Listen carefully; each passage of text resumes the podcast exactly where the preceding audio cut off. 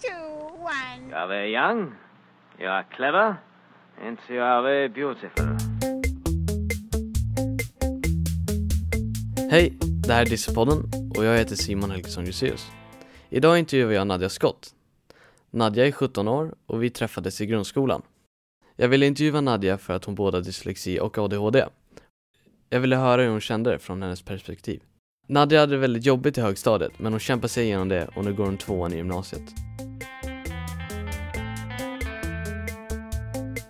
Jag går just nu på International Baccalaureate och jag jobbar bland annat med ungdomsfrämjande projekt. Jag har dyslexi och ADHD och det är precis vad vi ska prata om idag, dubbeldiagnoser. Exakt. Eh, hur har den här dubbeldiagnosen, funktionsvariationerna påverkat dig liksom i din skolgång? Från en tidig ålder så var jag annorlunda i skolan.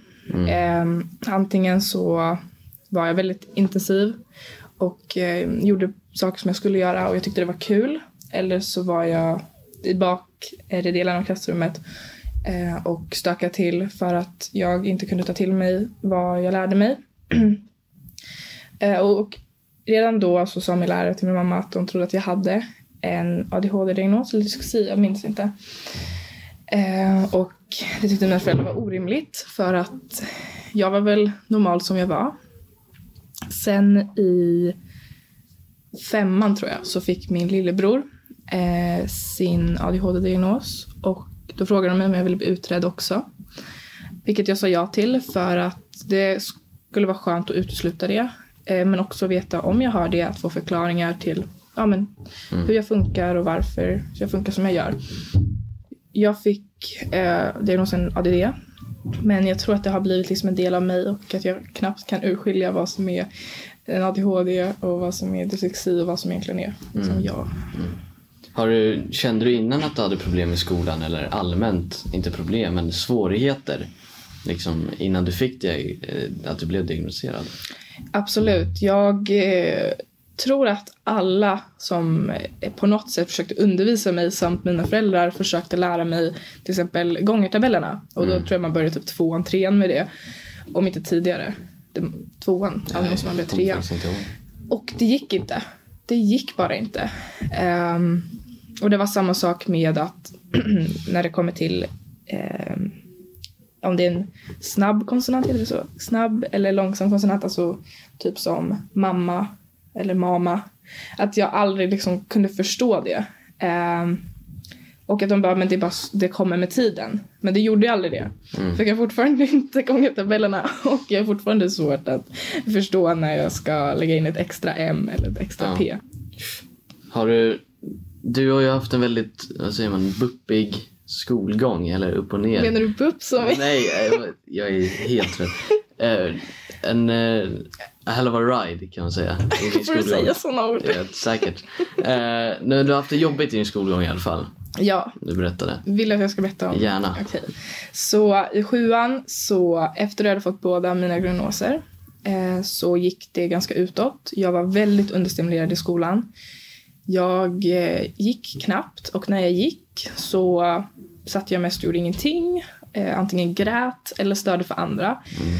Det är i alla fall som jag minns det och fått återberättat eftersom att det var en tid som jag inte riktigt har eh, processat riktigt. Men eh, så då sa mina föräldrar till eh, skolan att antingen så flyttar ni upp henne till nian så hon får någon stimulans. Eh, så att hon får komma ut ur eh, grundskolan. Eller så blir hon hemmasittare och eh, kommer skita där helt. Och då så sa skolan att absolut, eh, det är inte så att vi kanske tror på henne 100% men om det är det ni tror eh, är bättre för henne så absolut. Så att eh, under sommarlovet efter sjuan så pluggade jag in en del material som andra världskriget och lite historia tror jag och lite engelska. Eh, och sen så gjorde jag nian under ett år, vilket var hela högstadiet i ett år. Mm. Vilket kanske låter intensivt, men det var inte det. För att det var första gången som jag faktiskt blev exponerad till nytt material, nya saker som jag behövde lära mig snabbt och sen behövde jag bevisa det snabbt och så fick jag ett betyg på papper eh, relativt snabbare än att gå från sjuan till åttan till nian och sen få sina betyg. Så första terminen i nian så höjde jag mig i åtta ämnen och jag tror att min närvaro kom tillbaka till ungefär hälften av, eh, alltså den reducerades med hälften. Efter nian så tänkte jag så här, eh, varför ska jag inte utmana mig ännu mer? Så jag valde två linjer. Jag valde natur, nationella svenska programmet natur. Och jag valde International Baccalaureate, vilket är ett engelskt gymnasieprogram som är på tvåårigt, helt på engelska. Man läser ungefär sex ämnen och man läser dem upp på universitetsnivå. Så får man ett diplom som man kan läsa över hela världen med eh, alltså universitet. Så jag kom in på båda linjerna. Ehm, De sa att min matte var lite ostabil men att de gärna skulle vilja se mig utvecklas på International Baccalaureate, som jag kallar IB. Jag hoppas att jag kan att säger IB istället för Ja, men jag tror det blir bra. så att ehm, jag eh, vägde de två. Tänkte så här, vad är mest utmanande? Vad kommer jag få ut mest av? Så det blev IB. Och de två första månaderna så var jag fortfarande inte bra på engelska. Jag pratade svenska konstant och jag gick i en klass med bara folk som precis hade kommit till Sverige eller hade bara bott ett litet tag. Men sen så klickade det bara. Du har ju en väldigt speciellt case kan man säga av att du som du sa, att du hoppade upp en klass Ja. från din klass och nu går du tvåan i gymnasium. Mm. Och att egentligen om det hade gått i samma klass skulle det ha gått i ettan nu i gymnasiet. Det är ju ett, det är ett big step Mhm. att plugga in det. Ehm, hur liksom upps, hur insåg lärarna i skolan hur uppskattar de det på ett sätt att se att det är verkligen en elev som har inte kanske presterat så bra presterar jättebra. Alltså i början så trodde de nog inte alls på mig. Det var väl vissa lärare som tyckte om mig som person som liksom peppade mig. Men majoriteten hade jag inte supported av. Men från press av mina föräldrar till lärarna så um, fick jag väldigt mycket extra hjälp eh, i form av att de skrev dokument med vad jag eh, var i betygsmässigt och vad som jag behövde göra för veckan. Jag fick också egen dator och jag fick eget rum. Så jag hade väldigt mycket frihet. Ehm, men sen när jag började visa och prestera och ehm, fick högre betyg så fick jag väldigt mycket... Vad heter det? Lärarna såg mig på ett helt annat sätt.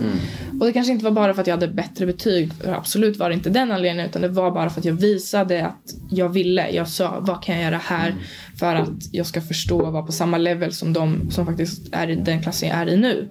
För att jag har inte gått i åttan, jag har inte gått i sjuan. Så att det var väldigt mycket att, inte smöra, men att här, visa att jag vill vara här och att jag passar in. Men som, vi, som jag berättade för dig förut att i slutet av nian och efter nationella proven så tog min mattelärare in mig i ett rum som jag hade haft i två år. Och hon sa så här att eh, nej, du kommer absolut inte kunna gå en nationell linje. Eh, som då menar SAM, natur, ekonomi. Hon sa att eh, det kommer inte passa för mig för att jag kommer inte klara matten. Och att jag borde gå en yrkesförberedande linje istället. För att inte göra det för tufft för mig. Och med det sa hon också att jag fick göra om nationellen, nationella proven och jag hade två dagar på mig. Annars så skulle jag få gå om nian. Så det var en utmaning och det tror jag var något som jag klarade av det. Jag fick ett eh, betyg och gick ut. Men det var någonting som ändå stärkte mig tror jag. För att någon sa att de inte trodde på mig. Och jag bevisade dem, eh, motbevisade dem. Nej, men det är coolt. Det är, det är intressant som att jag skulle fan dö. jag skulle inte klara det. Skulle, den stressen, pressen. Jag fick, jag fick F i nationella. Och, men som tur var min lärare sa men du har ju visat att du kan allting. Du har ju fått E allt. Så du har E. Jag bara, yes, nu kan jag gå vidare. Ehm, men du nämnde också att du, känner inte, du kan inte direkt se skillnad på eller hur ADHD eller dyslexin påverkar dig. Mm, ja men precis. Ehm, Jag, ja, eftersom att jag fick dem så sent så hann jag nog, om det kanske inte låter för abstrakt, så hann jag väl bygga upp en identitet runt vem jag var då och vem jag var med diagnoserna innan jag visste. Så när jag fick diagnosen så fick jag egentligen bara förklaringar till att okej, så här är varför du inte kan koncentrera dig så länge. Här är hur du skulle kunna få koncentrera dig. Här har du hjälpmedel. Här har du andra som eh, är som du. Ehm, och det blev mer som en ögonöppnare. Och jag fick väl eh, vägledning. Men än idag så är det fortfarande svårt att för mig se, är det här eh, på grund av min diagnos eller är på grund av liksom bara hur jag tänker allmänt? För att jag fick den så sent vet jag inte om det är anledningen eller om det bara liksom är så för vissa. Som, Men dyslexin är det tydligare eftersom att innan diagnosen så klandrade jag mest mig själv för att jag inte var på samma level som mina klasskamrater och särskilt som tjej så blir man inte, tjejer blir inte eh, deras diagnoser blir inte lika upptäckta. Eh, och även om de blir det så blir de väldigt sent. Så eh, jag klandrade mig själv. Eh, och när jag fick diagnosen så var det nästan som att jag bara alltså slappnade av. Och jag började istället för att trötta ut mig själv med små saker som var lätta för andra så började jag med hjälpprogram på datorn och med personer som läste upp texter för mig och som vägledde mig i rätt håll. Så att det går inte på automatik för att till exempel med att stava, för mig är det nästan som något som alltid behöver tränas. Med gångertabellen också, det behöver alltid tränas med engelska, eh, vocabulary. Eh, det behöver alltid tränas. Men, och det tar sån energi. Och att förstå att okej, okay, det här går inte på automatik och att då ta till hjälpmedel att eh, rely on det är en trygghet i sig. Så jag tror att dyslexin har varit lättare att identifiera och att så här, kunna slappna av och eh, hitta ett annat lugn. Mm. Men med ADHD så är det fortfarande svårt eftersom att jag tror att det blir mer inbyggt i dig, vem du är, hur du ses i sociala sammanhang och så vidare. Och så vidare. Pratar jag för mycket? Mm, nej, det är perfekt. Jag tycker du pratar... Jag hinner knappt andas. Um, du, men du har bemötts på olika sätt. Hmm. Det kan vara till exempel eh, i familjeförhållande. Då en viss förälder kanske inte har, eh, kan inte, kanske inte förstår. Mm. Eh, dels också om att om du får din diagnos sent, gud jag drar upp det, men när du får din diagnos sent att um, de måste ju omprogrammera lite hur de ser på dig för att då mm. förstår de ju kanske varför du reagerar som de gör. Särskilt om de är med i din vardag väldigt mycket som en förälder. Eller om de är nära vän. Um, så för, tror för en specifik förälder så har det varit en omställning för att träffar man någon varje dag och den är väldigt upp och ner som jag kan vara. Mm. Att man inte riktigt förstår sig på. Eh, till exempel ångest som jag har upplevt som jag tror många eh, ungdomar har gjort. Men särskilt eh, ångesten som har tillfört på grund av min ADHD, vilket vi kan gå in på om du vill. Eh, så tror jag att det också har varit svårt att relatera eh, mm. för den här föräldern för att det har inte, det har inte funnits där. Det, jag, har inte kunnat, jag har inte kunnat eh, förklara de här känslorna. Den här personen har inte kunnat förstå sig på när jag väl har gjort det. Eh, och det blir bara liksom fel din ångest eller vad sa du? Ehm, just med ADHD så tror jag något som är väldigt vanligt är att man har väldigt eh, höga spikar och låga downs. Vilket kan beskrivas som att jag är, när jag är glad du är superglad. Så jag är superglad. Ja. Är jag ledsen så är jag superledsen eller arg så är jag jättearg. Det är kanske den enklaste förklaringen. Mm. Så för mig att, och så tar jag in väldigt mycket. Det tror jag är något som folk med ADHD kan relatera till. Man tar in väldigt mycket vad som händer runt omkring en. Hur ditt ansiktsuttryck är, vad du säger, hur du säger dina ord. Det är något som jag tänker på utan att ens vara medveten om det. Så att de tankarna bara studsar i mitt huvud. Vilket leder till ett visst surr. Som leder till en viss utmattning som leder till en viss ångest. Mm. Och den har alltid funnits där. Och den var inte först för nian som jag kunde förstå mig på att okej, okay, det här är ångest. Det här är ångest på grund av att jag eh, befinner mig för mycket, liksom, för jag befinner mig i sociala sammanhang. Och det här är ångest på grund av, av andra anledningar som mm. liksom, tonåringar har. Um, och att man själv är så intensiv kan också ge lite bakslag. När man själv reflekterar över mm. hur man hanterar situationen. Precis. Uh, jag tror vissa tror att folk med ADHD uh, bara gör utan att tänka, att de inte ens mm. reflekterar över det. Men för vissa, jag kan, jag kan bara prata för mig själv, så absolut, den tiden om man verkligen lugnar ner sig, man förstår man reflekterar över dagen, man kanske reflekterar över en viss relation. Mm. Så bara kommer det som en våg av känslor.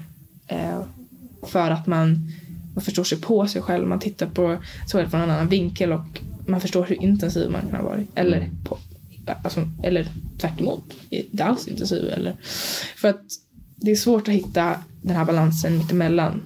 Så, men tillbaka till ämnet. Ångest har väl alltid varit en del av mitt liv. Um, och kanske inte alltid relaterat med ADHD. Men situationerna som jag hamnat i och tankegångarna som jag hamnat i på grund av diagnosen har väl bidragit till en del av den ångesten. Så mm. absolut, jag tror inte att det, jag tror inte att vissa vet att de känner så här. För att det är inte, verkligen inte något som man kan sätta ord på. Med dyslexin har det väl mest varit att då och då har jag kanske känt mig lite nere över att, oh, men okej, jag förstår det här komplexa mm. Eh, sammanhanget eller liksom matteformerna. Alltså, nu pratar jag liksom i ja. akademiskt, det här akademiska sammanhanget. Men jag kan inte förstå de här lilla små stegen som till exempel formulas eller språket som pratas. Att jag alltid har känt mig att jag ligger efter eller att jag är på en lägre nivå även fast min intellektuella nivå är kanske på samma nivå eller högre. Mm. Det kände jag också i högstadiet att så här, jag kunde skriva bra texter precis som alla andra. Jag var, hade, ja, men jag, när jag inte kunde formulera små ord som egentligen inte hade någon betydelse så kände jag mig värdelös. Om du skulle få väl, välja att ta bort dina diagnoser, att aldrig haft dem från början, skulle du ha gjort det? Eller skulle du Nej, precis som jag sa i början. Jag tror att min ADHD-diagnos har lärt mig identifiera mig själv och det har mm. blivit en så stor del av mig själv att jag tror att jag inte skulle haft samma eh, djup i mina intressen. Jag skulle absolut inte varit så dragen mot entreprenörskap och risktagande som jag är. Så nej. Men med dyslexin, kanske. Mm. Eh, för att det har inte varit ett hinder. Och det har inte alltid varit en svårighet heller. Men det har absolut varit tidskrävande och energi, energitagande att göra de här extra stegen. Att alltid vara, vara en längre process att kanske skriva en text eller att mm. skriva ett prov. Så absolut. Beror på vilken dag du frågar mig. På en dålig dag då? Då skulle du ta bort den? Ja, det tror jag. Jag är young, jag är clever, and jag är beautiful. Det var allt för Discipline idag. Idag har jag pratat med Nadia Scott. Mitt namn är Simon Elgesson Joseus. Tack och hej, leverpastej. Vi som står bakom Dyslexpodden är Föräldraföreningen för dyslektiska barn, FDB. FDB hjälper och stöttar föräldrar som har barn med dyslexi. Mer information hittar du på ftb.nu. Dyslexpodden produceras av Trapets Media.